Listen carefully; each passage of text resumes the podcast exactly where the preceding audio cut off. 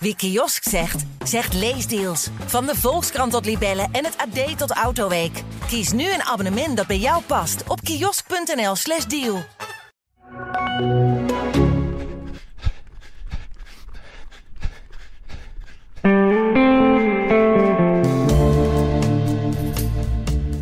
In de complexe wereld van het hardlopen liggen euforie en teleurstelling soms akelig dicht bij elkaar. Vorm komt, vorm gaat. Dat weten Erik Brommert en ik, Pimbel, maar al te goed. En, maar dat weten ook de absolute toppers. Wij hebben naar de EK Indoor gekeken en dan zie je die Femke Bol over de baan razen. Ongekend. We hebben een nationaal record in Berlijn meegekregen van Richard Dauma. We hebben ook de teleurstelling gezien bij Mike Foppen. Met die twee heren gaan we bellen vandaag, Richard Dauma en Mike Foppen. En richting het einde van de aflevering, dan bellen we voor het eerst met mijn nieuwe coach Guido Hartensveld in.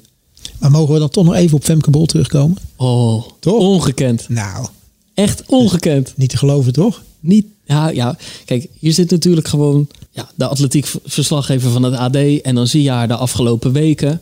En dan begin je, begin je het eigenlijk een beetje te verwachten. Want als je vier keer in een maand een nationaal record aanscherpt, ja, dan ben je de favoriete op een EK.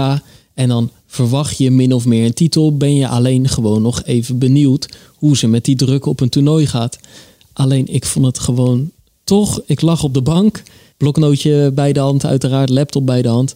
Maar ik vond het ongekend hoe rustig ze bleef en hoe mooi ze weer loopt. Want dat, dat vind ik nog het, het meest extreme aan dit toch echt wel megatalent van pas 21 jaar. Op hoeveel souplesse ze loopt. Die ontspannen lange passen van haar in dat rechte eind. Terwijl achter haar iedereen Verzuurd. aan het verzuren is van grote teen tot fontanel. En alles daartussenin.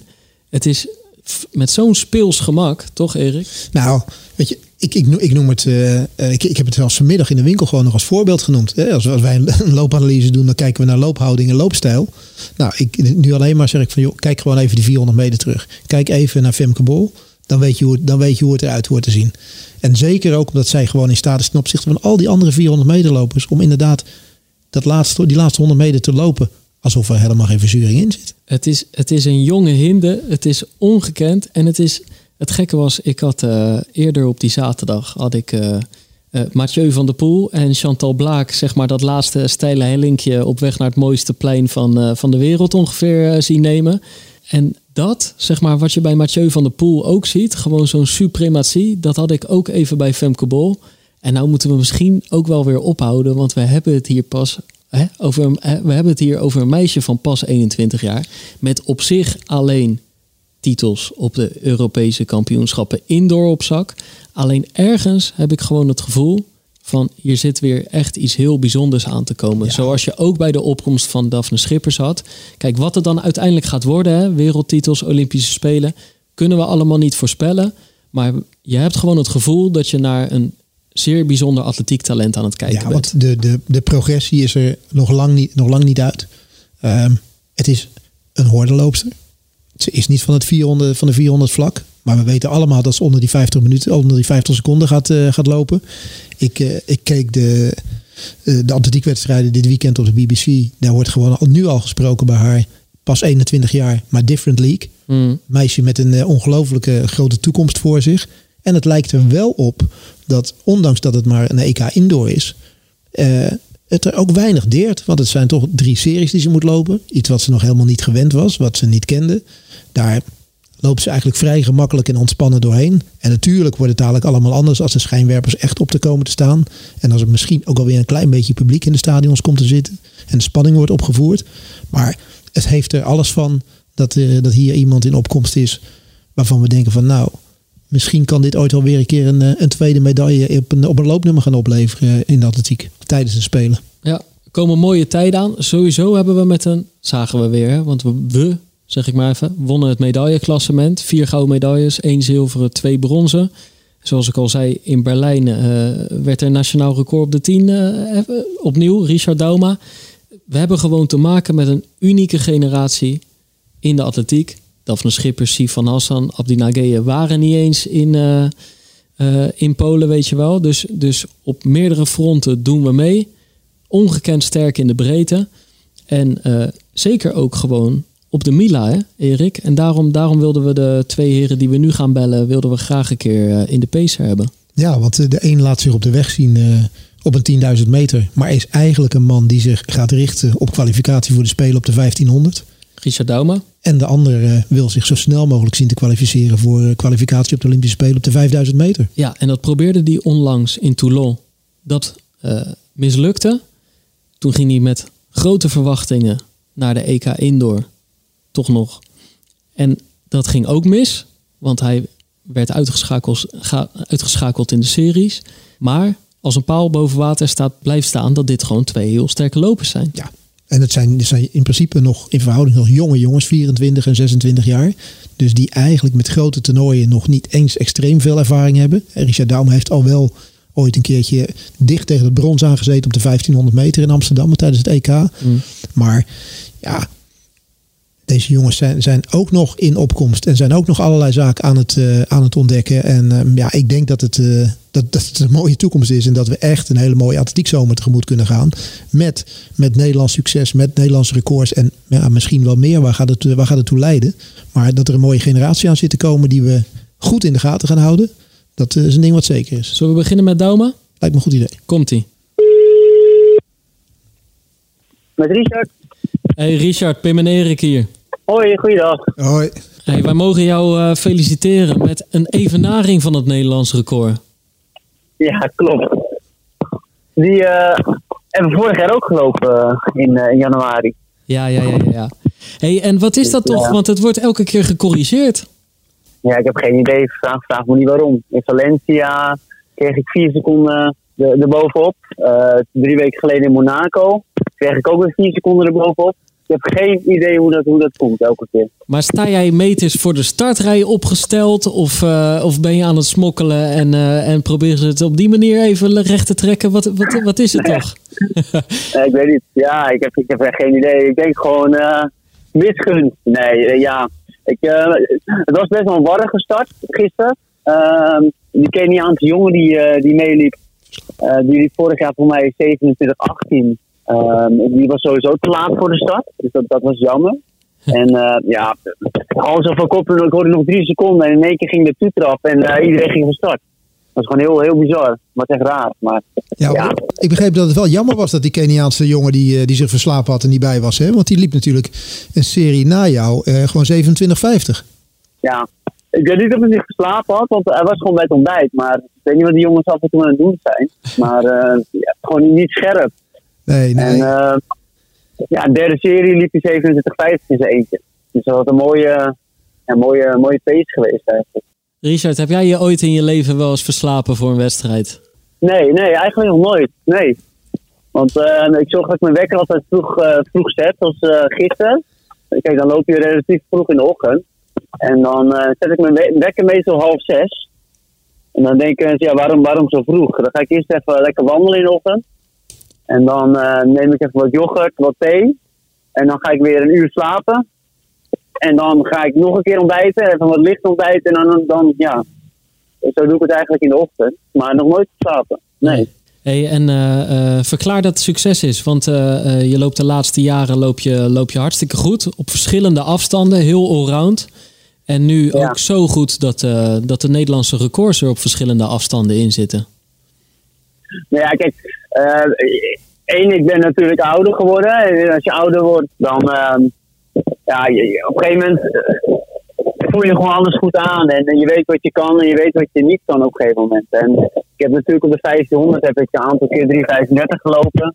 Ehm, ja, op EK's gestaan, op WK's. En de afgelopen jaren waren die afstanden, eh, die afstanden natuurlijk wat minder. Qua, qua PR en qua seizoen. En ja, ik, ik, merk, ik merk dat ik gewoon eigenlijk de 1500 vanuit, het, eh, vanuit de, lange, de lange afstand moet gaan benaderen. En dat, ja, dat, gaan we dit seizoen zien of dat, of dat, eh, of dat eh, positief uitpakt. En ik vind, ehm, ik, ik vind een, een duurloop van 32 kilometer vind ik ook hartstikke leuk. Dus ja, ik, ik vind het, ja, het lange werk ehm, ja, vind ik niet erg om te doen eigenlijk.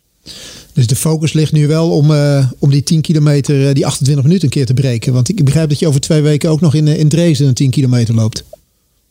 Ja, ik zou eerst eigenlijk de halve gaan lopen. En ik had eigenlijk gisteren gehoopt om 128 te lopen. Ehm, het, niveau is zo goed in de vorm. Dus gisteren ook tijdens, tijdens de start. niemand volgde. En de eerste zes kilometer liep ik eigenlijk in mijn eentje. En er stond ja, op zich relatief weinig wind. En op een gegeven moment na zes kilometer voelde ik van oké, de jongens komen naar me toe. Ze gaan me zo meteen pakken. Dus ik liep me op een gegeven moment een klein beetje, beetje terugzakken. En toen liep ik uiteindelijk weer mee in de groep tot 9,3 kilometer. En toen gingen ze versnellen. En toen moest ik eraf, omdat ik eigenlijk de eerste 6 kilometer in eentje had gelopen. En ehm, ja, wat betreft race, ehm, ja, ik- ja, ik ga gewoon eigenlijk weer weg op, op die tijd. En ik, ja, ik ga, ik- we gaan zien wat voor tijd het wordt. Ik, doe, eh, ik wil het graag lopen en ja, we gaan het allemaal zien. Ja. Hey, en ik, eh, ik sprak jou juist jouw trainer nog even, Louis Dam. En eh, Ja. die gaf aan dat jij in, in Hamburg ook nog gewoon even een halve marathon gaat hazen. Ja, ja klopt. Niet voor uh, Kipchoge, dus voor mij voor de tweede groep, T7 tempo. En eh, ja, de bedoeling is eh, 18 kilometer. Ik mag ook een halve marathon of, of iets langer.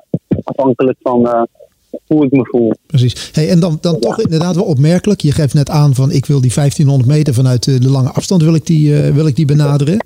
Want eh, Mhm. de mensen zien jou nou op de weg. Maar ik, ik begreep van Louis dat de focus toch gaat liggen op het behalen van de limiet voor Tokio op, eh, op de 1500. Ja, het, is- ja de 1500 dat is van de afstand die me eigenlijk gewoon ligt. Daar ligt mijn hart uit momenteel nog steeds. En ehm, ja, qua, qua, qua karakter, dus qua, qua, qua racen en, en, en de afstand is dat gewoon een van de mooiste afstanden eh, die er is, vind ik, eh, vind ik zelf. En ehm, Vertel eens, ja, waarom gewoon dan? Nou ja, kijk, eh, limietraces gaan natuurlijk hard. En dan is het gewoon van, vanaf van het begin af aan op je, op je tandvlees bijten. En ehm, ja, tactische races, dan kan je gewoon lekker het spelletje, het spelletje meedoen. Vooral boemels, dat, is gewoon fantastisch. Maar vertel ook eens even over die benadering. Want ik ken eigenlijk weinig 1500 meter lopers die ik, eh, die ik nu eigenlijk al veelal 10.000 meter zie lopen. Zelfs zie hazen op, de- zie hazen op een, eh, tijdens een marathon. En, en je Mhm. benadert dit vanuit een hele andere invalshoek. Wat is, eh, wat is het idee wat, hier, wat hierachter zit? Waarom denk je dat je het vanuit deze invalshoek zou moeten benaderen? Nou ja, 1500 is toch een deel aeroop en anaeroop. En ehm, je, hebt natuurlijk 1500 atleten die vanuit de 8 komen en die dan op de 15 gaan goed presteren. En in principe heb ik gewoon een relatief goede ach- 800 ooit gelopen, 1 1,47. Maar dat is geen 1,44. En ja, ik merk gewoon dat ik door de duur gewoon makkelijk en efficiënter loop op, op, op, op, op de lange afstanden. En ook zeker op tempeltjes op de baan. En dat gaan we straks eigenlijk eh, proberen door te vertalen naar de, naar de 1500 meter. Want er zijn genoeg jongens. eh, eh, dan noem ik bijvoorbeeld Jacob Ingebrigtsen of een, of een Australische jongen, Max. Max- Ja, die, die lopen ook gewoon een, een goede team op de weg. Of ehm, een goede 5000. En die kunnen ook heus wel een goede halve, halve marathon lopen. Al doen ze dat niet. En het haas is, ja, het haas is puur op tempo 3-2, 3-3. Dus het is niet zo dat ik eh 2,52 per kilometer moet lopen. Dus op dat, in dat gebied eh, is het gewoon eh, is het wel prima te doen. En je maakt... En, ja? Nee, sorry. En ja, en in, de, en in deze tijden is het, is het ook zo. ja, je, je krijgt er een. Eh, zeg je, dat? Je, je wordt er voor goed op hazen. En ik moet zeggen, afgelopen periode weinig wedstrijden. Ik heb geen sponsorcontract meer. En ja, het is allemaal een beetje, een beetje zoeken hoe het wat. En het is wel leuk als ik een potje kan hazen. En ik vind het leuk en ik vind er ook nog wat mee. Nou, inderdaad. Want is het wat dat betreft gewoon een, eh, een moeilijke tijd? Jij staat ook in een hardloopzaak. Eh verkoop, verkoop schoenen dan. Is het lastig te combineren voor jou?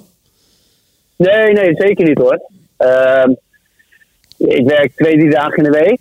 En ik vind het sowieso leuk eh, om mijn passie over te brengen naar klanten. En ik heb ook eh, periodes eh, eigenlijk, eigenlijk niets erbij gedaan. Alleen dat werkt gewoon niet voor mij, voor mij als persoon. En ja, Run Today, en Laurent van Keulen en Hilversum, die, ja, die begrijpen wat ik doe. Die heeft gewerkt met Nike, bij de Atletiek Unie.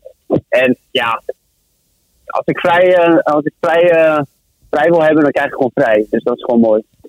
Ja, dus dat gaat prima. want wat gebeurt er als jij de hele week loopt, rust en verder niks? Ehm, ja, ik moet zeggen, eigenlijk vind ik het best wel saai. Ehm, ik, vind, ik vind wedstrijden lopen, vind ik, eh, hè, dat, dat- daar doe ik het allemaal voor. En ehm, ja, ik weet niet, tussen de trainingen door dan heb je gewoon geen invulling. Of je moet, eh, of je moet er weer bij gaan studeren. Ja, wat ik nu doe is gewoon, eh, ik ben lekker onder de mensen, ik breng mijn passie over en ja, ik vind het gewoon goed relaxed.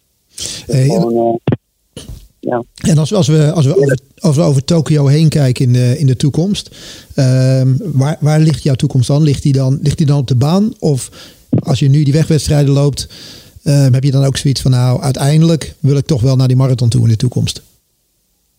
Ehm, ja, ik moet zeggen, ik weet niet, de marathon eh, zal wel uiteindelijk lopen. Ehm, ik vraag me niet wanneer. Ehm, ik ben daar nu nog niet klaar voor om een marathon te lopen. Gewoon, ehm, ja, ik zie me nog geen 42 kilometer lang uh, hardlopen op, één- op één tempo. Ik ga wel in de toekomst wel wat meer eh, ook op de weg snuffelen. Betreft met tot de halve marathon, Amsterdamloop, Zevenheuvelloop. Ja, en de marathon misschien over vijf jaar, misschien over zes jaar. Ik kan raar lopen soms. Ik kan er geen antwoord op geven. Dat kan zeker raar lopen. Dat hebben we aan die Keniaan gezien. ja, ja, precies. Ja, Je had je er wel bij het gehad bij bij gisteren. ja, eigenlijk wel. Maar soms moet je ook potjes alleen durven, durven te lopen. En ehm, ja, je hebt gewoon niet de luxe nu in deze periode dat, dat je compacte groepjes hebt. Je hebt gewoon geen races. Dus ik moet blij zijn dat ik een, eh, een race heb mogen lopen. Ja. En vorig jaar was ik gewoon hartstikke blij met 28,8. Want ik zat in de juiste groep. Het was goed weer. En, ik, en, en- en alles zat gewoon mee. En gisteren, het niveau is gewoon goed en het voelde gewoon goed. Ehm, en dan loopt er ook een 28,8. En dan ben je eigenlijk een beetje teleurgesteld, want je wil, wilt harder. Ja, want je bent, Dus- je bent niet euforisch. Nou ja, omdat ik het al een keer gelopen heb. Ja, maar als je, als je nou één seconde harder had gelopen, was je dan wel euforisch geweest? Nee, ook niet. Nee. nou ja, Nederlandse record is Nederlandse record. Maar op een gegeven moment moet je ook gewoon blij zijn met wat je, met wat je loopt. En het niveau is gewoon stabiel. Daar ben ik gewoon echt, echt heel blij mee. En ehm, ja, te uitwijzen wat, eh, wat er over twee weken eh, gebeurt. hey, er zat een fijn bochtje in trouwens. Ja, het was een eh 180 graden bocht. Ik zag, ik zag het ergens voorbij komen. Ik zag een paar pilonnen op de weg. Maar het, het leek me iets waar je echt je, je heup bij, bij breekt, weet je wel, op die snelheid. Het is vol in de ankers in- en de remmen, joh. Ik liep half in de bosjes op Gevelweg. met die draai. En je merkt gewoon eh, dat je dan gewoon echt je ritme gewoon weer moet oppakken. Want het is natuurlijk weer 2,5 1, 2,5 terug. En ehm, ja, die jongens achter die, die gaan jagen. En je voelt op een gegeven moment dat ze gaan jagen, jagen, jagen. Ja, en die eentje merk je van het wordt zwaarder. Dus ehm, ja, gewoon blij om een potje te kunnen lopen in deze, deze periode. En ik denk ehm, dat Nederland daar een voorbeeld aan eh, zou, eh, zou kunnen nemen. Aan, eh, gewoon aan zo, om, om zo'n race te organiseren. Want hier is gewoon niks mogelijk in Nederland nu momenteel. Ja, terwijl er wel een mooie generatie staat, hè? Eh, we gaan, we gaan straks nog bellen met Mike Foppen. Wat moeten we hem vragen Ja. trouwens? Want jullie, jullie, eh, jullie nemen het nogal eens tegen elkaar op. Ja, wat moet je hem vragen? Moeten we hem nog even herinneren aan die baanwedstrijd? Die 1500 meter. Oh, nee joh. nee, dat is, eh, dat is alweer verleden, hè. We kijken nu naar het heden. Ehm, En het heden, ja. het heden wordt volgens mij voor jou gewoon zo snel mogelijk proberen die 28 minuten te breken op de 10 kilometer. het zou mooi zijn. Ik bedoel, ik, ik ga niet zeggen van ik, eh, ik moet, ik moet, ik moet. Want eh, in het verleden heb ik ook al gezegd van ik, ik wil dat, ik doe dat. En uiteindelijk doe je het dan niet. Dus eh, ja, als de samenloop van, van de wedstrijd gewoon gaat zoals, ik het, zoals, het, zoals het is, dan, dan moet het lukken. Maar eh, ja, het kan ook niet lukken. En ja, dan een andere keer toch? Ik bedoel, eh, komt vast wel weer een moment. Zeker. Gewoon wekker zetten en gaan. Precies, precies. En er naartoe reizen, dat is ook nog een, optie, een, eh, een uit, eh, uitdaging. Uitdaging, ja, ja, ja. Met de huidige, met de huidige coronamaatregelen. Ja, want alles gaat met de auto, begrijp ik. Ja, met PCR-test allemaal gedoe. En, en, maar ja, ehm, we, we- we kunnen er naartoe gelukkig, dus het scheelt. Zo is het. Hey, het is nu maandagavond. Wat is je eerstvolgende loopje qua trainen? Eh, ik, zometeen heb ik een half uurtje, 40 minuten. Oh. Eh, ik ik heb vanochtend al eh, een duurloopje gedaan van eh 75 minuutjes, liep ik 19, eh, 19 kilometer. Dus eh, ja, zo ziet het een beetje eruit qua, qua ritme. Ja, mooi, mooi, mooi. Soms lopen, eh, 's middags werken en dan, eh, dan weer lekker lopen. En wat krachttraining. Goed, goed leven. Ja, mag niet. Ja. Doe wat ik leuk vind. Zo En eigenlijk wat het mooi is. Gewoon lekker hard lopen en, eh, en genieten. Mooi. We vonden het leuk eh, met je bij te praten, Richard. Ja, dankjewel. En eh, we spreken Jullie je in de, We spreken je in de toekomst van de Pacer nog een keer. Yes, Zeker. thanks. Ja, komt goed. Dankjewel. Oké, Jij bedankt. dank je. Hoi, hoi. goed. Yes, fijne avond. Hoi, hoi. Doeg, doeg. Hoi. Ja, Erik. Daar hebben we Richard Dauma voor het eerst volgens mij in de Pacer hadden we hem aan de lijn. Hè? Ja, en eh, ja, interessant atleet toch? Vind ik ook. Ik bedoel, van, eh, van de 1500 naar de lange afstand en van de langere afstand zeg maar gewoon weer terug naar die 1500. Ik vind het wel een, eh, een gedurfde aanpak, vind ik het van hem. Ongekend allround is hij. Ja, en ehm, ik denk dat het, dat het een man is. Kijk, wij, zijn, wij, zijn, wij volgen natuurlijk de atletiek, maar we zijn toch een beetje van, van de wegatletiek.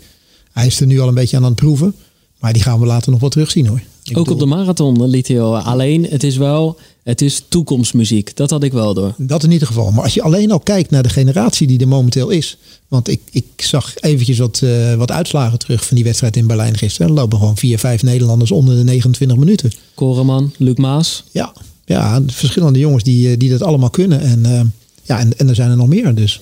Ja, want Noah Schutte is op het moment geblesseerd. We gaan nu met Mike Foppen gaan we zo bellen. Die, die had zich, denk ik, of die had zich, weet ik zeker. Ik sprak hem de maandag voor de EK Indoor. Toen zat hij op Papendal. Hadden we zo'n eh, digitale verbindingen, laptops open. Eh, gezellig zoomen met z'n allen. Maar toen stelde hij zich toch hartstikke veel voor van dat EK. Hij hoopte op het podium te lopen. Dat was, was helemaal niet zo heel gek gezegd. Als je zijn afgelopen jaar ziet. Bijna alles is raak bij de jongen.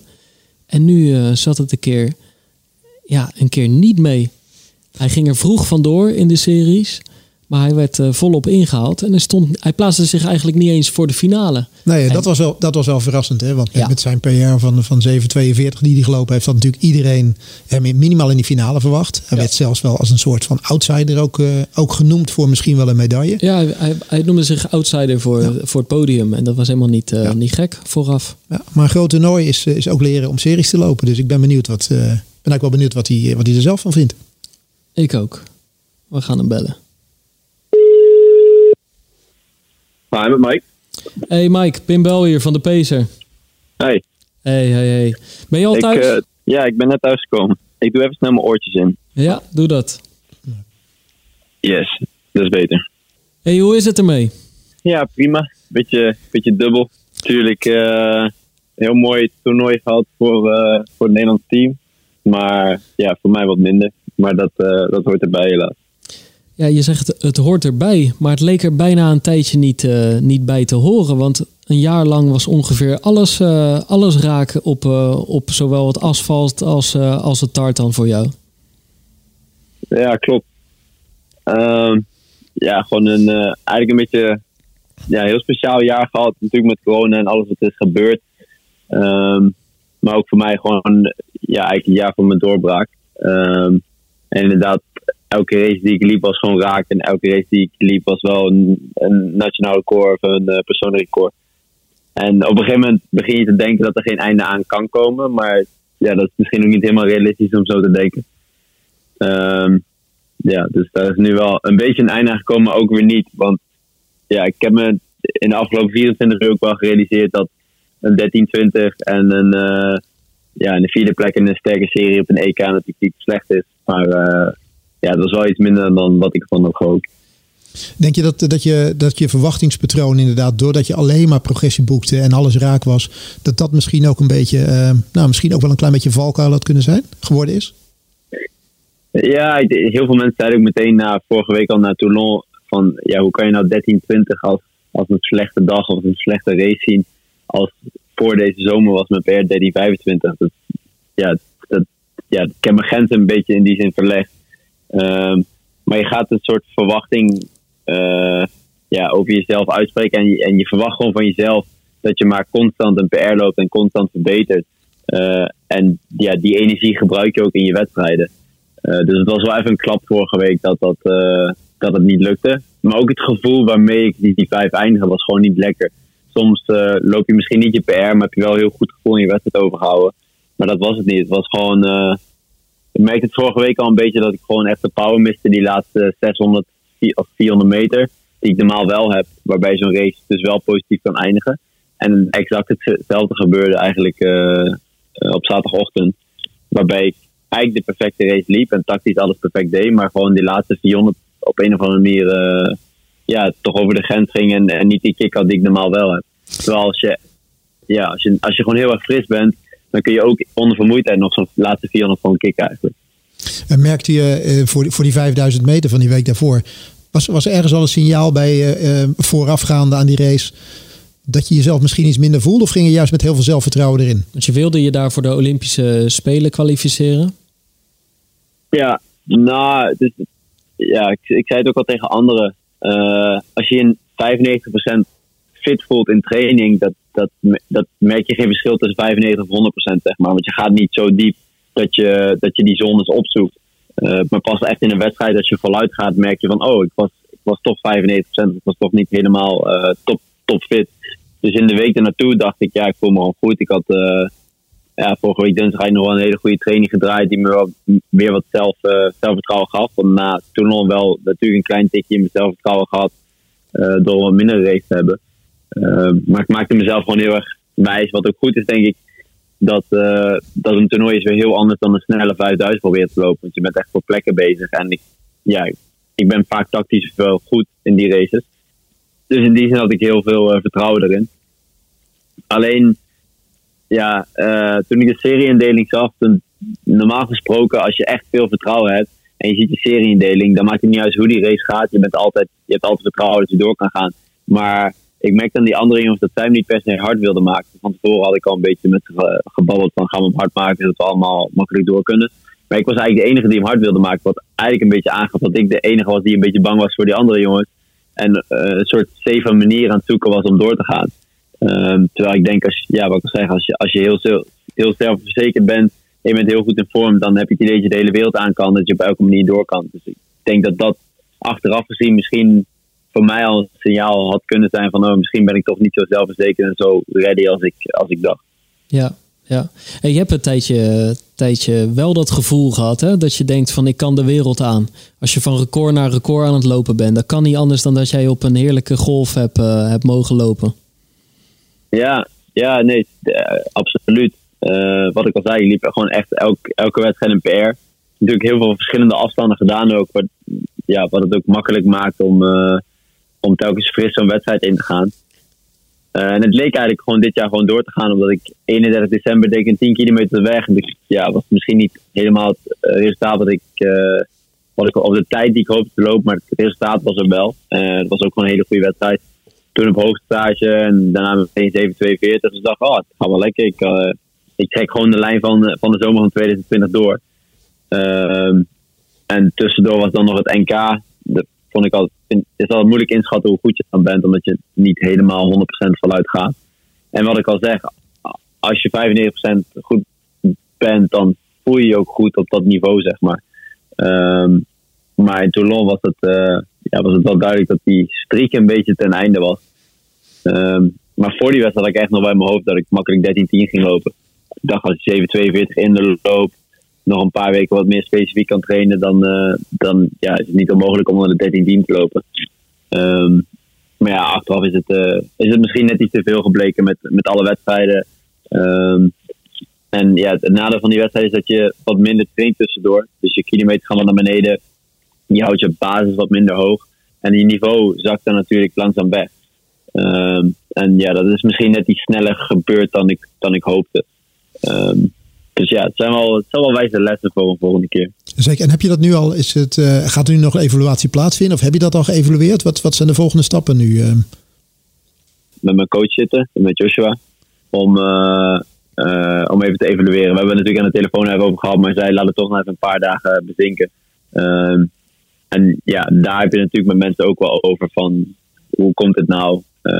maar het is wel goed om een aantal kritische vragen te stellen en ja, hoe, hoe kan het nou dat, dat in drie weken zo'n niveau wegzakt van een 742 indoor naar een, ja, oké, okay, 1320 is niet slecht, zoals ik al zei, maar ja, niet, niet echt wat in de, in de lijn der verwachtingen lag. Um, dus ja, daar moeten we nog even wat, wat specifieker naar gaan kijken. En ik denk voor een vervolg wordt het heel belangrijk dat ik uh, ja, misschien toch weer wat, wat meer keuze moet gaan maken. Want uh, het EK was ook eigenlijk een soort bijdoel. Want we wilden het doel was gewoon om te kwalificeren voor de Olympische Spelen vroeg. Uh, en ja, naïef dat ik was, of met het idee van ik zit nog steeds in die positieve flow, ga je ervan uit dat je wel even een Olympische limiet kan lopen. En vervolgens ook nog het EK kan meepakken. En dat, en dat kan ongetwijfeld ook als je heel goed in vorm bent. Ehm, en als je niveau heel erg hoog is. Maar als het niet zo is, dan loop je ook al een beetje achter de feiten aan. En ja, loop je ook al een beetje tegen de lamp dat je, dat je dan nog wat vermoeidheid opbouwt van Toulon. Uh, je herstelt natuurlijk wat minder als je niet 100% in vorm bent. En dan... Ben jij kritisch op jezelf? Ja. Ja, waar, waar uitzicht dat in? Ja, ik denk dat ik wel redelijk kritisch op mezelf ben. Uh, of ik, ja, ik heb gewoon hele hoge verwachtingen van mezelf. Uh, ik denk dat uh, in Nederland er redelijk wat druk op me wordt gelegd nu. En dat ik een beetje word gezien als degene die ja, een beetje misschien de Mila bij de mannen weer naar een hoger niveau moet tillen. Uh, maar ik ervaar die dat niet uh, als druk vanuit Nederland, maar gewoon meer dat ik heel kritisch op mezelf ben en dat ik mezelf heel veel druk opleg. Dus ook al zou niemand zeggen van uh, ik denk dat Mike dit gaat lopen of ik denk dat Mike dit gaat doen, zou ik het zelf wel van mezelf verwachten. Um, maar ja, ik denk dat, dat ik misschien iets kritisch op mezelf had mogen zijn na Toulon. Uh, om te zeggen van ik was vandaag gewoon niet goed en ik had niet het juiste gevoel. Misschien moet ik wel niet naar het EK gaan. Maar aan de andere kant maak je jezelf dan ook altijd bewijzen. Ja, het kan natuurlijk één slechte dag zijn. Um, ja, en dat zijn de keuzes die, die natuurlijk het moeilijkste zijn in je carrière. Want je wil heel graag naar zo'n toernooi. En je wil heel graag bewijzen dat het maar even eenmalig was. Um, maar goed, achteraf is er natuurlijk wel een verklaring voor. Ja, ja. En nu, nu zit je heel even in, in een mindere fase. Heb je twee mindere wedstrijden en een teleurstellingen en teleurstellingen achter de rug. Um, heb jij uit het verleden iets om uh, uh, op terug te vallen? In de zin van, heb jij vaker voor teleurstellingen gestaan en weet je hoe je daarmee mee omgaat? Uh, nou, eigenlijk, eigenlijk ben ik nog nooit in zo'n positieve flow geweest het afgelopen jaar. Uh, dus ik was juist heel erg gewend dat ik constant tegen teleurstellingen aanliep. Dus ik weet ook hoe ik ermee om moet gaan. Maar als je even niet gewend bent, dan. Ja, het is wel even wennen dat, dat de sport zo in elkaar zit. Ik, dacht even, ik, was even op, ik zat even in de wolken, zeg maar. Uh, zonder door te hebben dat het eigenlijk niet op die manier werkt. Uh, dus het was ook eigenlijk onrealistisch om te denken dat het wel even zo door zou gaan. Ik heb vroeger wel. nou, mijn carrière begon eigenlijk bij de junioren, waarbij ik eigenlijk altijd vierde werd. Net naast, naast het podium. Uh, en ja, als junior is dat natuurlijk het belangrijkste in Nederland dat je gewoon junioren medailles pakt. Dat, daar deed ik het eigenlijk altijd voor. Uh, toen ging ik op een gegeven moment medailles pakken, maar toen werd het altijd zilver. Ik heb volgens mij uh, negen keer zilver gepakt voordat ik één keer goud pakte. Ze zeiden tegen mij altijd, daarna drie keer drie is scheepsrecht bij jou. um, dus ja, toen heb ik volgens mij mijn laatste juniorenjaar had ik alweer zilver gepakt op de 5000. Had ik nog één juniorenwedstrijd. Uh, in, ik weet niet ik denk 2013 of 2014. Uh, nee, 2015 trouwens. En toen uh, pakte ik goud op de 1500. En dat was voor mij ja, een beetje zo'n doorbraak van oké, als je maar lang genoeg blijft, blijft werken en lang genoeg consistent bent, dan, dan is het zeker mogelijk. Um, en daarna begon het eigenlijk weer opnieuw, maar op een treedje hoger. Uh, dus toen begon het met toernooien. Toen wilde ik me gaan kwalificeren voor toernooien. Miste ik uh, het EK Junioren op 1700ste. Uh, toen uh, had ik vervolgens wel het EK 123, maar deed ik daar echt voor spek en bonen mee. Ik, ja, ik werd in de finale. Ik had wel de finale gehaald, maar ik werd daar helemaal zoek gelopen. En dan leer je steeds van: oké, okay, ik ben nu hier. Maar je ziet ook, je wordt wel heel erg geconfronteerd met: maar eigenlijk moet ik hier zijn. Mm. maar dat gaf mij wel de motivatie om die volgende stap te zetten. Ehm, en zo ook twee jaar geleden bij het EK in Glasgow maakte ik mijn debuut in het seniorenteam. Um, en toen werd ik ook echt kansloos uitgeschakeld in de series. Echt alsof ze met me aan het spelen waren. Die laatste twee rondes zat ik niet meer in de race.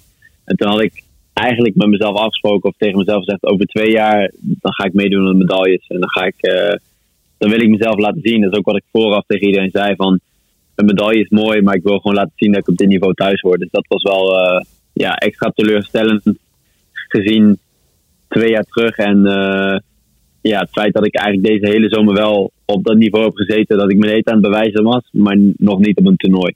Uh, dus dat is wel een klein beetje frustrerend. Maar gezien de geschiedenis denk ik dat het me wel uh, uh, op de lange termijn heel veel goed gaat, gaat opleveren. Ja, want je weet, je weet hoe je moet omgaan met die teleurstellingen. En volgens mij staan er dit jaar nog wel wat belangrijkere wedstrijden op het programma dan alleen een EK Indoor. Klopt ja, ze, ze zeggen ook eigenlijk altijd wel dat een progressie gaat niet in een, in een, uh, in een straight line, zeg maar. Het is een soort zaagtand. Het leek Eh, alleen ik heb even die zaagtand een beetje. Ja, precies. Ik heb die zaagtand een beetje overgeslagen dit jaar. Ehm, maar dan is dit, ja, wat is het, maart, begin maart misschien wel een goed moment om even dat, eh, dat stukje in die zaagtand te krijgen voordat we die stijgende lijn weer pakken. Ehm, dus zo probeer ik het ook te zien als even een mindere fase. Eh, en als een eh, ja, een soort Lucy, Lucifer die het vuurtje weer even aansteekt om, eh, eh, om weer die volgende stap te zetten. Maar natuurlijk deze zomer de Olympische Spelen eh, ja, zijn gewoon absoluut het hoofddoel. Ehm, en ik heb de limiet gelopen deze zomer, ook al telde die niet, ja, doordat de kwalificatieperiode even bevroren was. Dat ja, geeft me wel vertrouwen dat ik, het, dat ik het moet kunnen. En ook met een 742 indoor zit je eigenlijk op vergelijkbaar niveau, misschien zelfs wel hoger niveau. Ja, dus het wordt eh, een periode met de juiste keuzes maken. En eh, mezelf weer een beetje herpakken en weer lekker de training oppakken. En weer een beetje ja, wat, wat zelfvertrouwen winnen in de trainingen. En dan eh, heb ik er zeker nog wel heel veel vertrouwen in voor de zomer. Ja, want wat is, wat is het perspectief in, in wedstrijden? Hoe ziet het eruit? Want je, je wilde natuurlijk vroeg kwalificeren. Dan, dan ben je daar vanaf en dan kan je je planning maken. Ehm, dat moet natuurlijk nu, Ja. nu anders. Ja, eh, ook daar ga ik morgen nog met mijn coach over zitten. We hadden natuurlijk vooral gepland tot dit EK eigenlijk. En tot, eh, ja, tot de limietpoging van vorige week. Eh, daar ging natuurlijk heel veel van afhangen. Maar ik denk dat ja, de komende zes weken ga ik sowieso nergens in actie te zien zijn. Dus ik ga geen races lopen. Ik denk dat het nu niet verstandig is. Ook omdat ik niet goed in vorm ben. Maar ik denk dat ik gewoon training nodig heb op dit moment. Eh, en vaak is het, het feit dat je uit vorm bent ook wel een signaal dat je lichaam misschien een tijdje tegen de grens aan heeft gezeten. Dus misschien was ik wel een beetje over de grens gegaan. Eh, dus dat is wel belangrijk om dat weer, eh, dat weer allemaal in orde te krijgen. Dus ik denk dat een eerstvolgende keer dat ik weer een wedstrijd zal lopen, zal waarschijnlijk weer een baanwedstrijd zijn. Eh, maar dan echt pas weer in mei. Maar goed, over de exacte planning, exacte wedstrijden weet ik nog niet precies hoe ik het ga doen. Ik zit er wel te kijken om begin juni een aantal Diamond Leagues te doen, want dan begint het, het Diamond League seizoen weer een beetje. En ja, ik denk dat daar de, ook de grote kans is om, eh, om in een snelle race te komen om eh, onder die 13-13 te duiken. Ja, want op zo'n wedstrijd heb je het ook eigenlijk al gedaan. Hè? In dezelfde race als waar Cheptegei zijn wereldrecord liep. eh eh evenaarde jij het Nederlands record, als ik het goed heb? Ja, ja klopt. Ja. Dat, ja, dus ik ben eigenlijk op zoek, op zoek naar een vergelijkbare race. dat zijn toch de races die, die, die je bij voorbaat al doen kriebelen, toch, denk ik? Ja, en het, het gekke eigenlijk aan die race was dat die we natuurlijk helemaal was opgezet voor Joshua. Dus we hadden niet eens een haas in de tweede groep. Wij liepen met een, eh, met een groepje Europeanen en Australië erbij. En eigenlijk was van tevoren helemaal niet... Het was voor mij gewoon een leuke ervaring. Want ik dacht, ik kan me toch nergens kwalificeren. Ik ga gewoon het meeste eruit halen. Ik zie wel waar, het schip strandt. Eh, en we waren een beetje aan het samenwerken in die groep. Maar het was niet dat we op een tempo aan het lopen waren of zo. Voor een limiet aan het lopen. Dus het was heel erg vrij racen. En eh, ja, eigenlijk genieten van de ervaring. En als je op zo'n manier een race ingaat, dan ga je er wel heel onbevangen in. Ehm, en ik denk dat ik dat ook vorige week een beetje miste. Dat ik, ik zag elke ronde eh, de rondetijden en ik wist precies welk tempo ik aan lopen was. Eh, dan hou je jezelf ook een beetje voor de gek. Dus ja, ik ben wel een beetje op zoek naar dat gevoel weer dat ik even niet met de tijden bezig ben, maar gewoon lekker racen tegen andere jongens. Eh, dat ga je, ga natuurlijk het mooiste vinden bij een Diamond League. Ja, precies. Hey, zo liggen eh, euforie en teleurstelling eh, soms dicht bij elkaar, Mike. De, uiteindelijk maakt dat Ja. het ook mooi, toch, in het hardlopen? Dat allebei die twee uitersten Ja, eh, eh, bestaan. Ja, en wat ik al zeg, in training merk je vaak niet of je nou zeg maar ook tot die 100% kan gaan. Want ik denk dat op dit moment, ik heb heel erg het gevoel dat mijn 100% op dit moment nog steeds 13-10 is. Alleen dat mijn lichaam gewoon even niet 100% fris is om ook die 100% te halen, als je begrijpt wat ik bedoel. Dus ik, ik, ik denk niet dat mijn niveau op dit moment minder is dan vier weken geleden. Ik denk alleen dat ik ja, het, potentieel van mijn niveau op dit moment niet 100% kan bereiken. Omdat ik misschien wat vermoeid ben of dat het mentaal wat minder gaat. Of dat ik niet echt in die flow zit. Ehm, en ja, hoe ga je dat terugkrijgen? Door denk ik weer onbevangen te gaan racen. En even met training bezig te zijn en even back to basics te gaan, zeg maar. Denk je, dat, Ehm, denk je dat maar- het er ook mee te maken zou kunnen hebben dat je niet echt eh, een goede planning kunt maken? Want er zijn maar een paar races. Je kunt soms maar lopen. En als je nog gewoon een normaal seizoen hebt, weet je natuurlijk precies waar je naartoe kunt werken. Ja, ja, dat speelt wel een rol, denk ik. En ja, eigenlijk, verviel ik ook een beetje in oude gebreken. Dat ik had vroeger heel erg moeite met keuzes maken. Dus ik wilde altijd, eigenlijk altijd alles doen.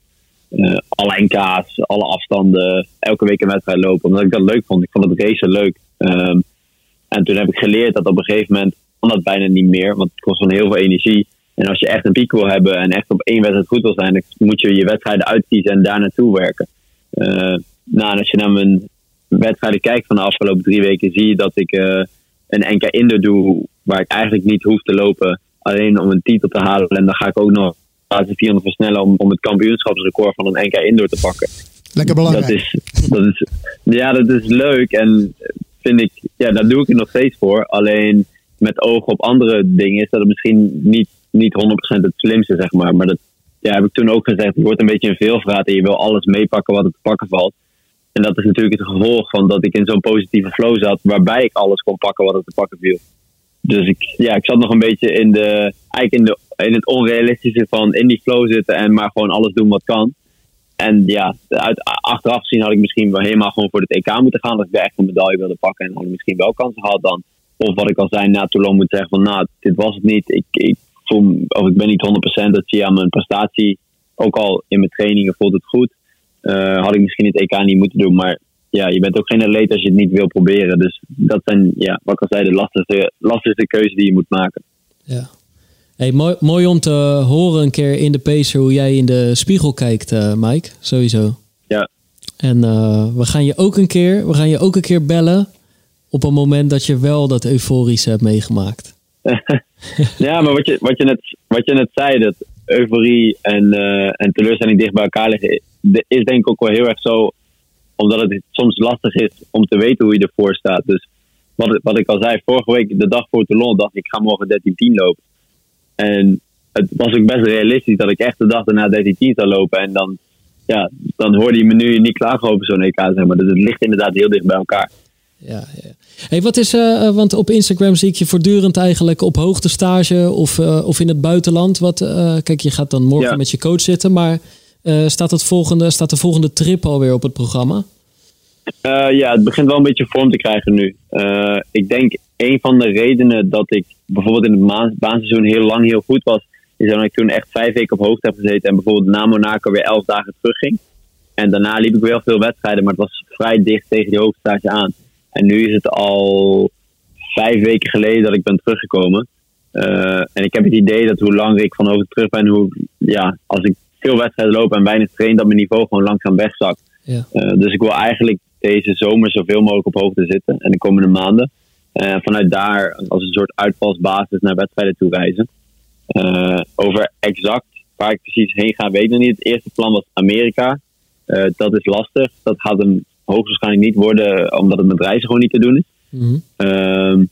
dus ja, ik zit dan of aan Afrika te denken, of ik blijf in Europa, of, of een combinatie van beide bijvoorbeeld ik denk als ik eenmaal weer gerezen, dus dan hebben we het over mei, dat ik dan gewoon in Europa zit en vanuit, uh, zeg maar iets, Fontremeu of San Moritz uh, naar mijn wedstrijden ga toereizen.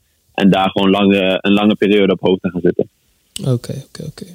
Nou ja, volgens mij gewoon nog steeds mooi perspectief, mooie plannen en uh, ook even veel wijsheid de komende dagen in, uh, in conclave met je coach gewenst. Ja, dankjewel. Yes, dankjewel, uh, dankjewel voor het bijpraten, Mike. Jo, geen probleem. Yes, dankjewel. Doei doei. Jo, ciao ciao. ciao. Een zelfbewuste atleet, want laten we niet vergeten, zo oud zijn ze niet, hè, de mannen die we, die we de, vandaag aan de lijn nee, hebben. 24 jaar, 26 jaar. Eigenlijk allemaal nog aan het begin van hun, uh, van, hun carrière. En, en met onwijs veel perspectief. Want ja, het is natuurlijk een mooi verhaal om, uh, om te horen. Volgens mij horen dit soort teleurstellingen horen er ook bij hij realiseert zichzelf dat, uh, dat als het ware ook. Weet je, je denkt op een gegeven moment dat je alles kan, uh, kan oprollen en dat je iedereen kan pakken. En inderdaad nog even dat kampioenschapsrecord even pakken. Heerlijk hè, gewoon die hongerigheid van een veelvraat. Eigenlijk is het ook wat hem mooi maakt. Ik wil net zeggen, je, ik denk altijd dat je dat... erin vliegen, ja. altijd die doelen stellen. Eigenlijk jezelf wekelijks willen laten zien. Een beetje, een, laten we eerlijk zijn, een beetje een alfa mannetje. Graag bovenop die rot staan. Dus ook zo'n kampioenschapsrecord willen meepakken. Ja, maar ik vind dat je dat er niet uit moet halen. Ik denk dat dat zijn kracht is. Op het moment dat je een atleet die juist dat soort dingen kan en ook graag wil doen, dat je dat van hem af gaat pakken, dan haalt hij ook zijn plezier gaat hij eruit halen. Klopt, alleen wat hij wel zegt, van achteraf, maar achteraf praten is altijd makkelijker natuurlijk, maar had hij iets scherper moeten kiezen nu, in de situatie nu. Dus hè, als alles goed gaat afgelopen jaar, dan kan je ook alles meepakken. Nu met de vorm nu had, had hij er wellicht meer aan gehad als hij wel een keuze had gemaakt. Ja, maar ik denk dat hij misschien over twee jaar die keuzes niet meer uh, hoeft hij die niet meer te maken, want dan heeft hij ervan geleerd. En, uh, en ik denk dat dat een kwestie van ervaring is. Weet je, op een gegeven moment ga je uh, ga, je, ga je er zo in geloven? Ik bedoel, Wim Kieft zou het kunnen zeggen van nog even, hij begint hij zelf te geloven. Nou, dat, dat gebeurt nu eventjes. Even meer met beide voeten op de grond. En ja, het hoogtepunt dit jaar moet gewoon de speler zijn. En, ja, en daar kan je onbevangen lopen, want daar heb je helemaal niks te verliezen. Dus, en ook daar weer zal, zal, zal je op zo'n toernooi zal je weer een hoop moeten gaan leren. Want dan moet je ook die series weer lopen. Dan zal je er ook mee om moeten gaan. Dus ja, ik denk dat je misschien wel, hè, dat is natuurlijk altijd makkelijk, maar je zou misschien wel je voordeel ermee kunnen doen met wat er nu afgelopen weekend is, is gebeurd. En, en die vroege kwalificatiepoging die dan niet helemaal lukt. Misschien moet je wel op een andere manier bevestigingen zoeken. Maar dat het uiteindelijk uh, uh, zichzelf gaat uiten in prestaties bij hem, dat, dat mag wel duidelijk zijn. En hier hebben we dan over twee Nederlandse toppers. Die gewoon aanschurken tegen die Europese top. Die, die af en toe fantastische dingen laten zien zeg maar, op het wereldpodium. Maar als je dit gewoon doortrekt naar de huistuin- en keukenloper. Zoals wij zelf, maar ook zoals de meeste luisteraars. Kijk, je vorm komt en vorm gaat. En de ene keer is het raak, soms is het een tijdje raak. En dan voordat je het door hebt, eigenlijk zoals bij Mike nu ook, glipt het uit je vingers. En moet je ineens bij jezelf te raden gaan van, hé, hey, waar is het misgegaan? Want een tijdje denk je eigenlijk hetzelfde te doen. En denk je dat nog alles goed gaat? Hij zei, het, het, misschien is het wel een beetje naïef geweest. Het, het is gewoon. Ja, maar... dit is natuurlijk, uh, ik wil niet zeggen herkenbaar voor de meeste lopers, want dit is gewoon van een andere gro uh, grootte van orde. Maar toch die euforie, teleurstelling, alles wat ertussen zit. En dat het dus ook af en toe helemaal ineens kan omslaan. En dat je gewoon een beetje beteuterd thuis komt na, na een mooi, hè, wat een mooi sportweekend had moeten worden daar hebben wel natuurlijk meerdere mensen mee te maken. Ja, maar je gaf net ook al aan, vorm komt en vorm gaat. En de kunst is op het hoogste niveau om op het juiste moment te pieken en die vorm te pakken. En juist omdat je weet dat het weer, weer verdwijnt, dan, dan, ja, dan hoor je eigenlijk, in, zoals hij zelf al zegt, dat op een gegeven moment uh, denk je dat, dat je alles aan kan en dat het maar door blijft gaan. En, en, en blijkt maar dat je, dat je die vorm, dat piekmoment, daar moet je echt, daar moet je echt naartoe werken. En, en, dan kon het er op het laatste moment uitkomen. Nou, dat is nu niet, uh, nu niet gebeurd, omdat hij zelf aangeeft van. Uh, ik dacht dat het allemaal wel kon, dat EK. En dat ik ook nog even snel die limiet kon lopen.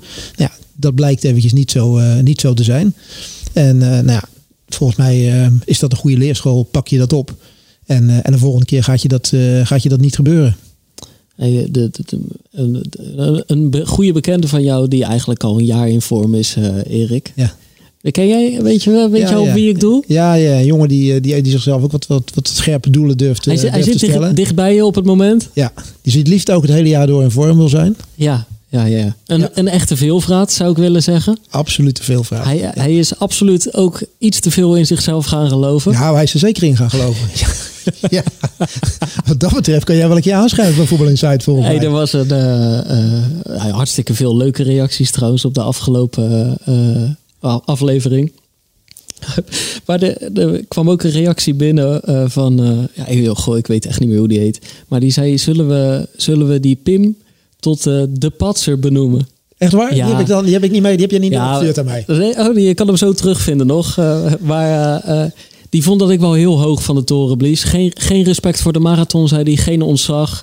Je doet maar alsof je zomaar even gaat lopen.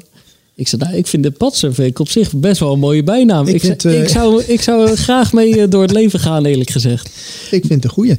Maar goed, weet je, um, ja, ik kan me ook wel voorstellen, dat, de, ik kan me de reactie nog wel voorstellen, een beetje. Want ik, uh, ik, ik heb jou van de week op Radio 1 gehoord en daar uh, gaf Dolf Jansen ook aan van, joh, weet je, hij vroeg het wel mooi. Wat doet jou veronderstellen Precies. dat je het kan gaan lopen? Wat doet jou veronderstellen dat jij eventjes met één gelopen marathon, zeg maar, die met je vader, die was voor de gezelligheid, maar één ja. serieus gelopen marathon, hoe weet dat, uh, eventjes nog even 20 minuten van het PR af, uh, af gaat halen. Wat, wat, doet jou, wat doet jou dat veronderstellen? Ik kan me dat soort reacties wel voorstellen. Aan de andere kant, ja, weet je, uh, de kortere afstanden, zeg maar 5 en 10 kilometer, die hebben uitgewezen dat je de snelheid ervoor hebt. ik heb ook wel eens geroepen van, is het een wegatleet of is het geen wegatleet? Dat zal, de tijd zal zich dat uitwijzen. Hmm. Maar ja, goed, dat, dat zijn we ook aan het uitzoeken nou natuurlijk. Hè? Ik bedoel, Zeker. En ik vind, eh, eh, eh, ik heb er nog nooit zo voor geleefd. Maar bovenal, aan de begeleiding kan het niet gaan liggen. nee. Want eh, dat is natuurlijk gewoon wel ongekend. Ik was er al serieus mee bezig. Bij PAK draaiden we al op volle toeren. Eh, we pakten het hartstikke serieus aan. Alleen ja, die kennis van de twee mensen waarmee ik nu werk, Michel Butter en Guido Hartesveld, dat is toch wel even bijzonder om te, mee te maken. We zijn nu ongeveer twee, drie weekjes onderweg. En eh, dat is mooi om mee te maken. Ik, volgens mij ga ik daar heel veel baat bij hebben. En volgens mij ga ik daardoor nog meer in mezelf geloven. Eh, je, je, moet me af en toe een beetje gewoon een beetje af gaan remmen, denk ik, Erik. Maar het wordt denk ik hoog tijd om gewoon even te bellen. Maar dan wordt het ook trouwens. Dit is wel een momentje. Wij hebben een. eh, hoe heet dat? In podcasttermen ook alweer? Ik weet niet helemaal eh, welke kant Gewoon je? waar, we, waar we het heel de week over gehad hebben. Wat, eh, wat we die gasten in elkaar hebben laten draaien. Hoe heet dat ook alweer? Oh, we hebben een jingle. We hebben een jingle. We hebben een jingle. Ja, ja. Ja, en dat komt natuurlijk wel omdat we met die twee gasten zijn samengewerkt. Je, jij hebt natuurlijk in ieder geval de mazzel dat die jongens Ja? in ieder geval wel een beetje geloof in jou hebben. Ja. Bedoel, anders pakten, hadden ze het niet opgepakt. Dat toch? denk ik ook.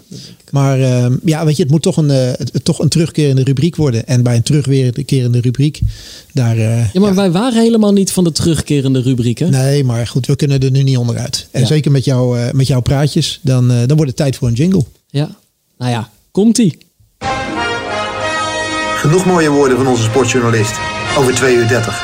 Maar hoe staat het met zijn daden? Het is tijd voor een nuchtere kijk op de zaak. Het is tijd om te bellen met de coaches.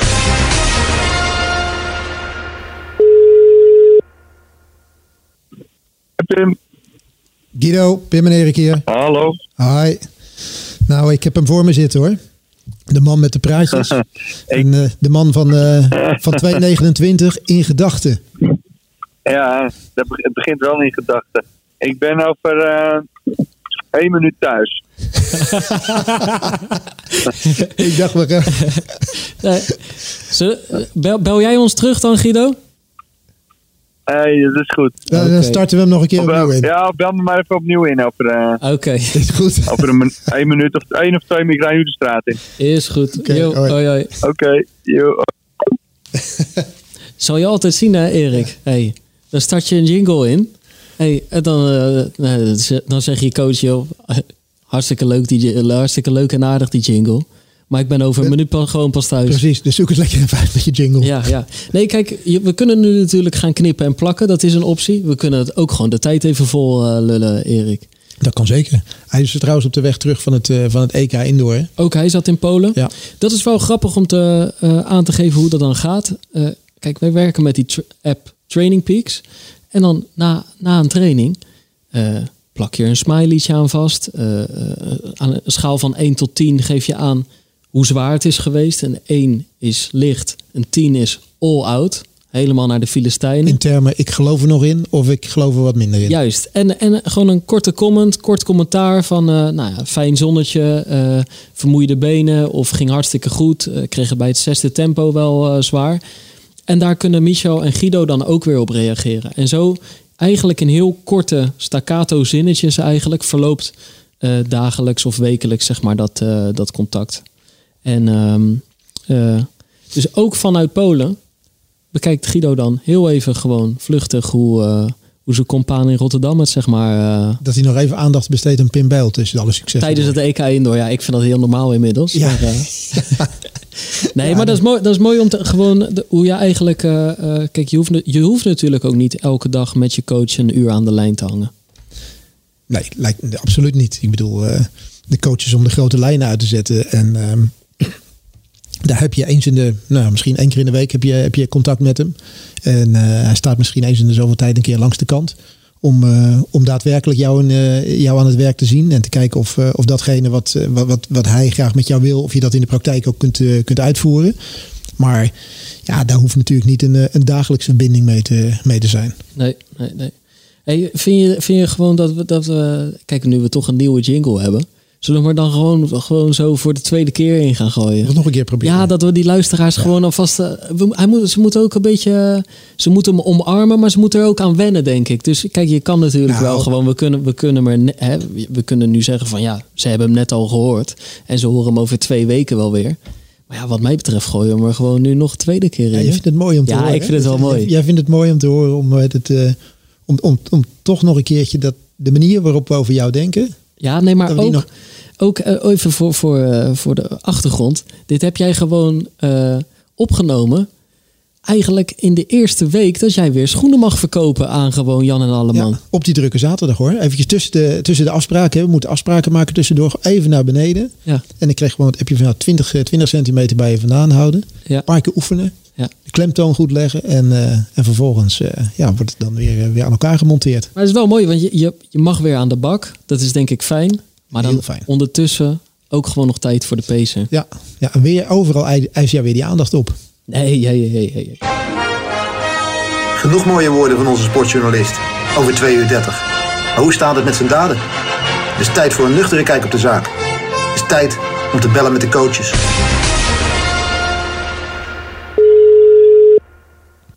Hey mannen.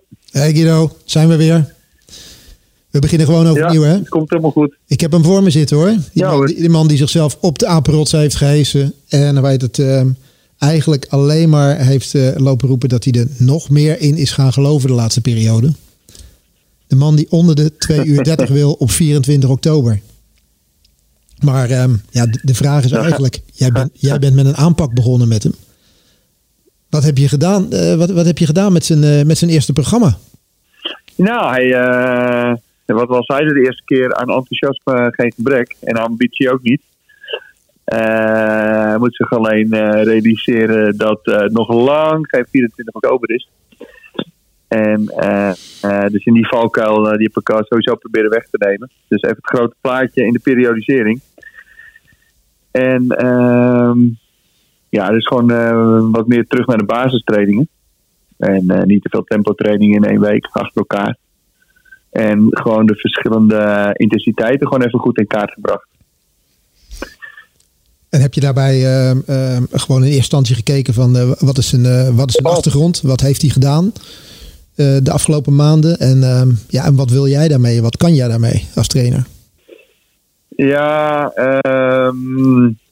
wat ik al zei, ehm, periodisering eventjes gewoon wat meer structuur in aangebracht. En ja, het aantal intensieve trainingen in de week teruggeschroefd. En, ja, en, eh, en wat testjes met hem gedaan. En eh, heeft een beetje zijn profiel opgemaakt. Ja, we zijn nog niet zo lang bezig. En gewoon eh, van daaruit starten. En dat is een beetje een globale, En, globale indicatie hè, van wat je nu geeft. Maar wat, wat miste je bijvoorbeeld in zijn trainingen? Ehm, nou, wat we in de eerste podcast al constateerden, ook vanuit het verleden met de sportmedische testen, dat hij ja, nogal een, een slecht ontwikkelde eh aerobe drempel had. En met eh, het testje wat, eh, wat wij hem hebben laten doen, ehm, ja, dat konden we dat ook gewoon zien. Ja, en dat kon je ook terugzien in zijn trainingsschema's. Dus daar, eh, dat is het eerste wat op het menu staat, want dat duurt ook wel lang.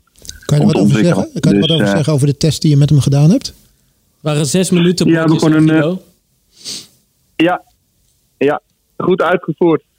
Dankjewel. Eh, en dan kijk ik met name ook naar het verloop. Hè, dus dus eh, hoe die belasting dan oploopt in die blokjes en hoe de hartslag eh, zich dan verhoudt. En, eh, en, de, en de verschillende snelheden. Dus ik kijk ook naar het verschil van, eh, tussen de aerobe drempel en de anaerobe drempel. En eh, het is de bedoeling dat hij ook gewoon de komende maanden eh, steeds hogere snelheid leert lopen. eh, op de aerobe drempel. En dan heb je natuurlijk ook over een stukje eh efficiency. Hè? Dus de loopeconomie moet, eh, moet beter. En eh, vetverbranding moet beter. Maar het was vooral knallen en eh, rustig duurloopjes. Dat was een beetje de patroon in de week, hè Pim? Ja, maar je, dat is denk ik met name wat je echt scherp hebt, hebt omgegooid. Heel scherp gekozen voor, voor nu op een andere manier een fu- fundament gaan leggen. Ook omdat die marathon pas over eh, acht maanden is. ja, dat is het. En ehm, ja, goed, we moeten elkaar steeds be- beter gaan leren kennen. Maar dat is wel even goed eh, dat we het nu even aanstippen in dit gesprek. Dat je ehm, eh, ook leert ja, wat het doel van de training is.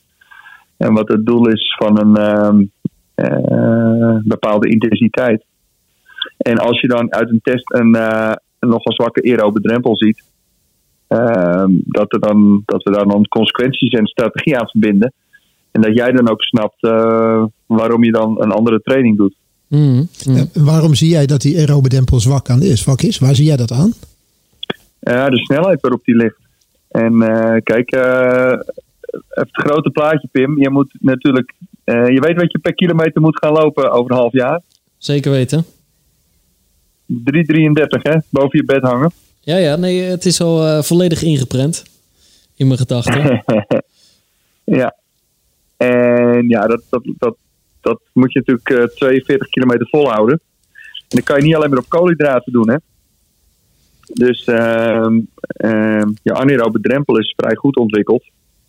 Ehm, zeg maar het intensieve gedeelte.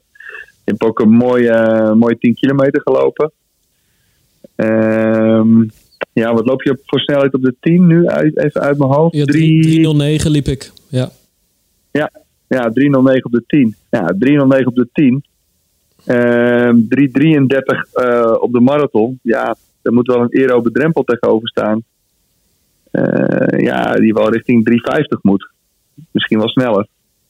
Ja. Eh, omdat je anders eh, met een lege tank komt te staan. Dat moet gewoon efficiënter. En daar, daar, daar zijn we duidelijk aan aan het werken. Hè? Want eh, het is nu maandag. Ja. Komende zaterdag laat je me een loop doen van 2 uur en 10 minuten. Na 10 minuten inlopen wil je me twee uur lang op dat 3,49 tempo eigenlijk eh, eh, zetten. Dus, dus een beetje, dat is zoals het nu klinkt, het tempo wat jij eigenlijk het liefst als mijn aerobe drempel zou zien. Precies. Ja. En dan ga ik gewoon kijken hoe, je, hoe de, de verhouding tussen snelheid en hartslag eh, zich ontwikkelt. En met name ook in het tweede gedeelte. Dus de- dan ga ik kijken het eerste uur versus het tweede uur. Eh, ja, of we daar een trend in gaan zien. Want als het goed is, niet. En ehm, ja, dat noemen we de, de decoupeling. Dus het, eh, het ontkoppelen tussen snelheid en hartslag. En ja, dat zag ik ook mooi met die, eh, die duurloop van jou. Eh, had je die met Ermen gedaan? Met, in Kiev? Dan Eh, zie je ook dat je lange duurloop eigenlijk of heel rustig deed. Ja. eh, eh, Die van 25 kilometer en aan het bedoel eind je? heel hard. Ja, klopt. Ja. Ja, en, eh, ja, in het begin heel rustig en aan het eind heel hard. En eigenlijk eh, allebei net niet goed. Hey, en Guido, om, Dus dit, eh, om, om dit soort trainingen te doen, hè, dat betekent wel dat je daar echt een, een kwaliteit of snelheidstraining voor moet laten vallen. Want jij vindt dit soort trainingen misschien wel belangrijker dan die, die intensieve snelheidstraining. Ja, klopt. Die verhouding, eh, die verhouding binnen een weekindeling, zeg maar. Hè, binnen een microcyclus, dat, ja, dat wil je wel. eh, het aantal intensieve trainingen versus het aantal eh, trainingen langzamer dan de aerobe drempel. Ja, dat wil ik wel. Dat, dat, ja, die, je voor een marathon traint, en zeker in je periodisering, moet je natuurlijk gewoon eerst veel meer basiswerk doen. En en, als je al constateert dat de aerobe drempel niet goed is, dan zet ik die wel als volwaardige training op het menu. En wat je bij heel veel trainers ziet, is dat er drie snelheidstrainingen gedaan worden. En tussendoor iets van een duurloopje als aanvulling op de week. Als, dan is eigenlijk de duurloop het cement tussen de stenen. Terwijl het een, ehm, ja, eigenlijk een, wel een hele belangrijke eh, ehm, target is, zeg maar. In de, het is een hele belangrijke fysiologische landmark, zoals ze dat zo mooi noemen. En waar we, waar we echt heel gericht op willen trainen. Dus die zet ik wel eigenlijk in het geval van Pim als eerste eh, neer in de week. eh, in deze fase. En- En, ehm, dus ja, die, die, eh, omdat het ook lang duurt dat te ontwikkelen. En dat is ook het enige, het zorgenpuntje. Kijk, als je al ziet dat die 309, of hè, Pim, dat je 309 per kilometer op een 10 loopt. Mm. Ja, hij zit dat gewoon hartstikke goed voor elkaar.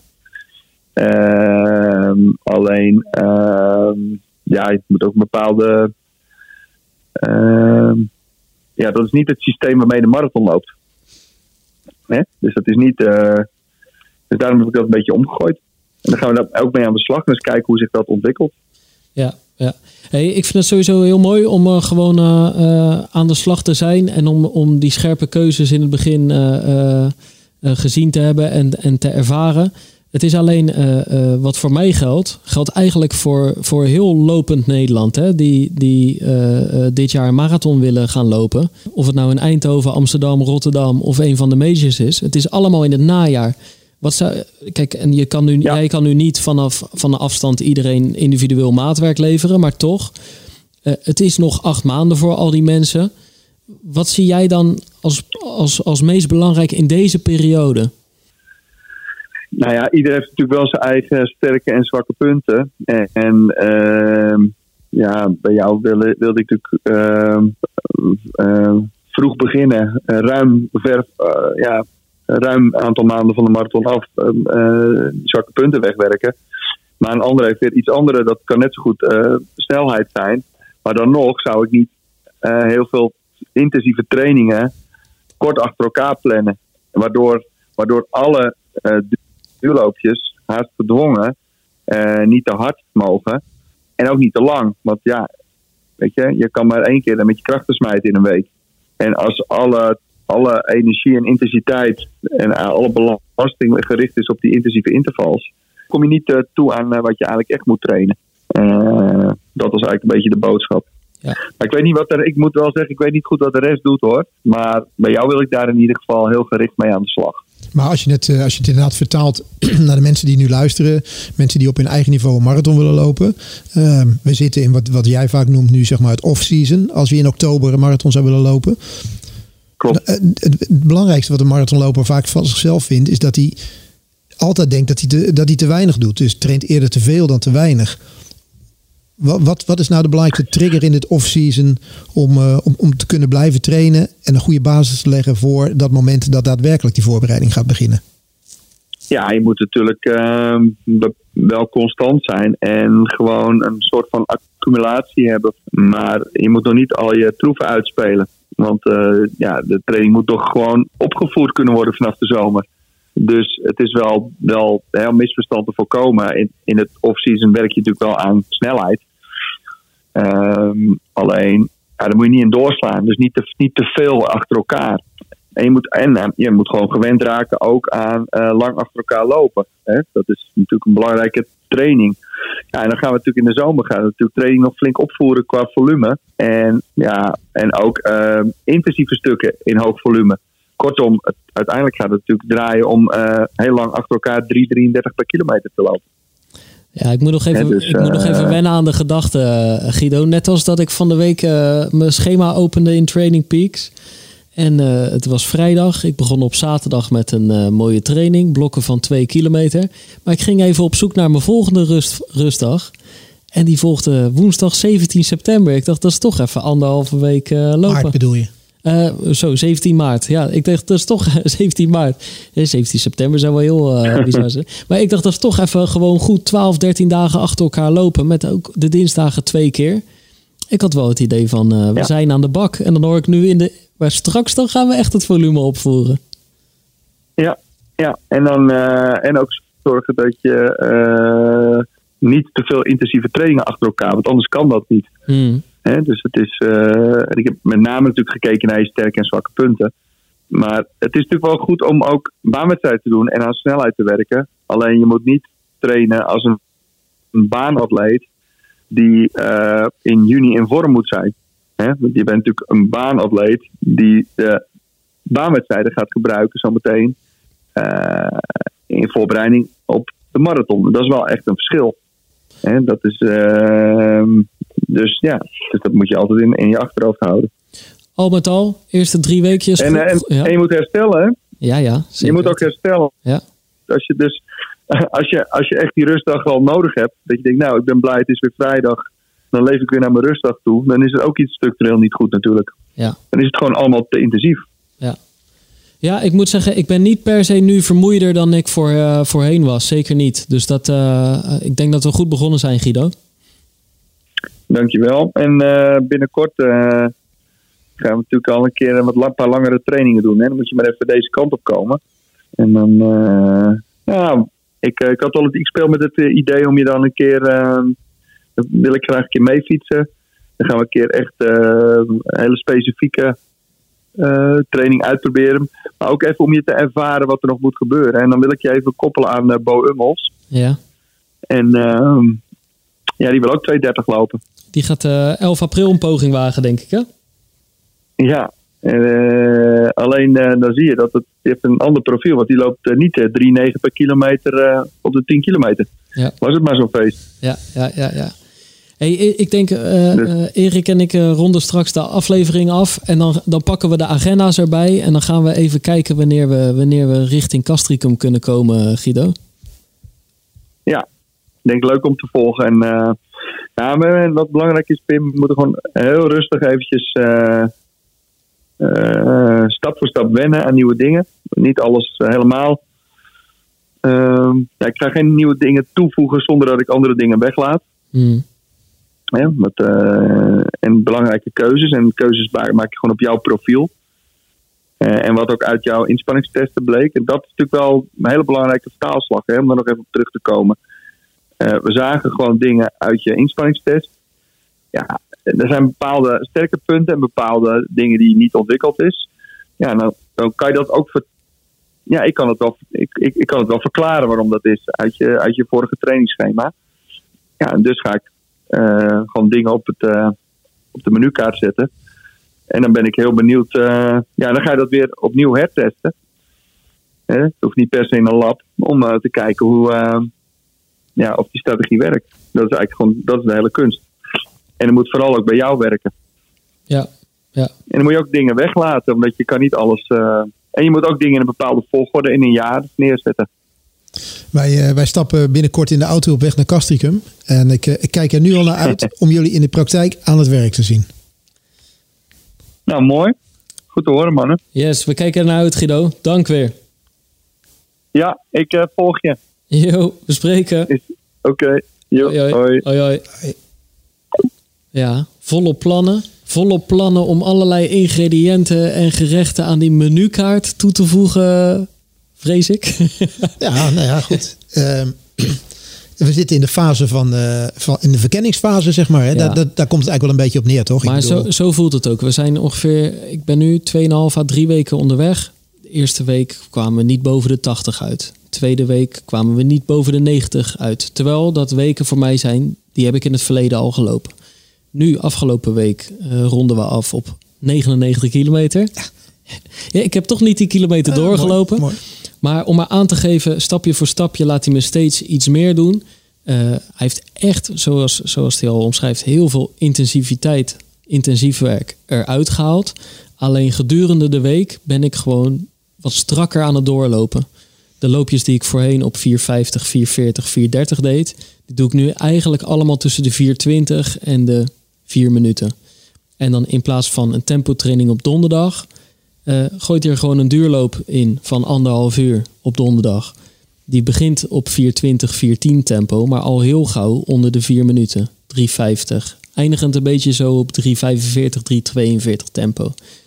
Dus nog niet dat uiteindelijke beoogde marathontempo van 24 oktober, maar wel al in dat gebied waar, ben je, waar je hè, volgens hem dus echt zeg maar mijn zwakke punt, dat die aerobe drempel aan het trainen bent. Ja, Dat, dat vind ik wel interessant om, uh, om te zien ten opzichte van inderdaad uh, de trainingen die nu gedaan worden, die je inderdaad heel veel ziet, is dat er gewoon eigenlijk een, een, een tempotraining op de donderdagavond zeg maar uh, geschrapt wordt ten faveur van een, van een duurtraining, maar wel een, een wat intensievere duurtraining.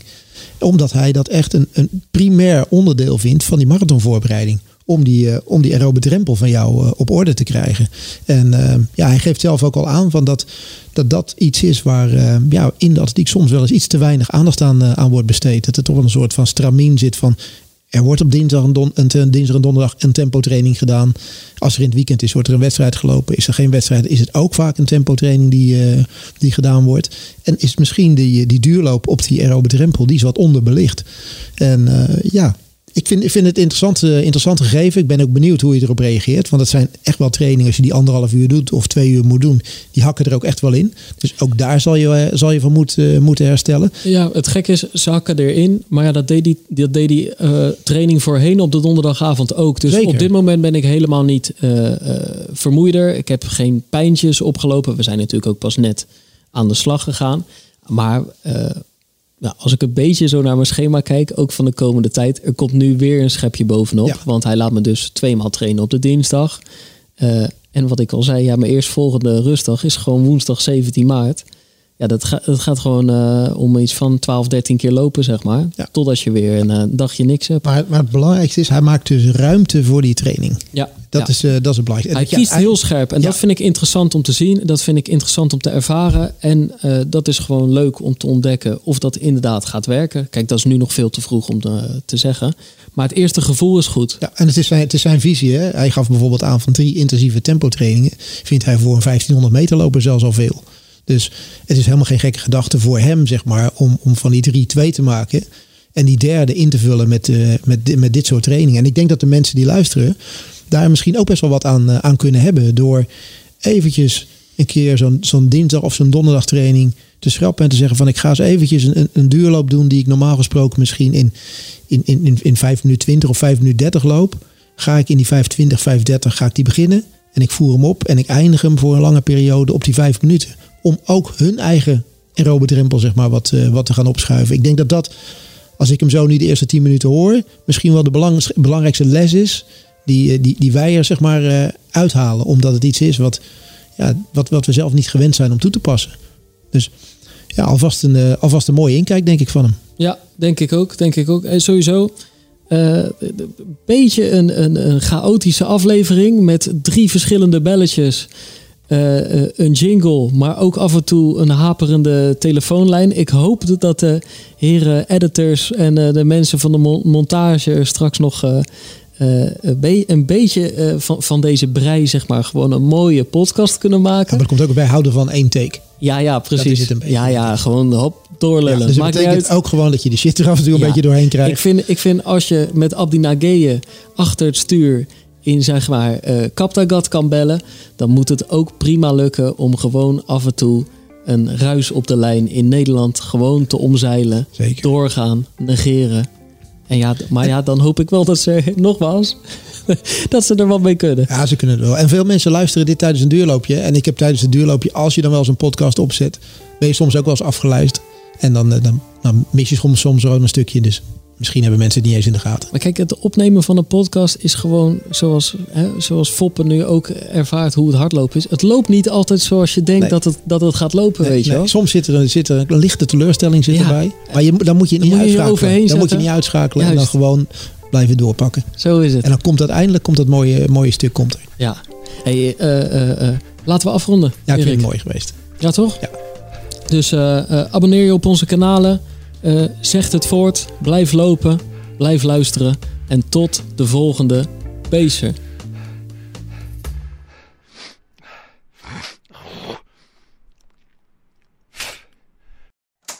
Zet je dubbel cassettedek maar klaar, want ze zijn er weer. Ehm, kan ik iemand nog even bijschenken? Dit is Jet, moeder overste, veel te goed voor deze wereld en kookt het liefst voor de hele buurt. Ja, dat is Sander. Dat is een beetje de Hannibal van onze club. Beetje degelijke huisvader hoor. Manuel, soms een tikkeltje jaloers. Vooral op sportieve veertigers en op mensen die niet in het uber saaie Hilversum wonen. Moet jij zeggen, Wietske, ons groentje die nog het liefst elk weekend in de lampen hangt. Maar met twee jonge kids het alleen licht ziet worden met Duplo en Nijntje. Gezellig jongens, zullen we beginnen? Elke zaterdag een nieuwe aflevering van de podcastserie De Veertigers. Te beluisteren via ad.nl slash De Veertigers, alle podcast-apps en sites van PZC, Brabants en Eindhovens Dagblad, BN De Stem, Tubantia, De Gelderlander en De Stentor.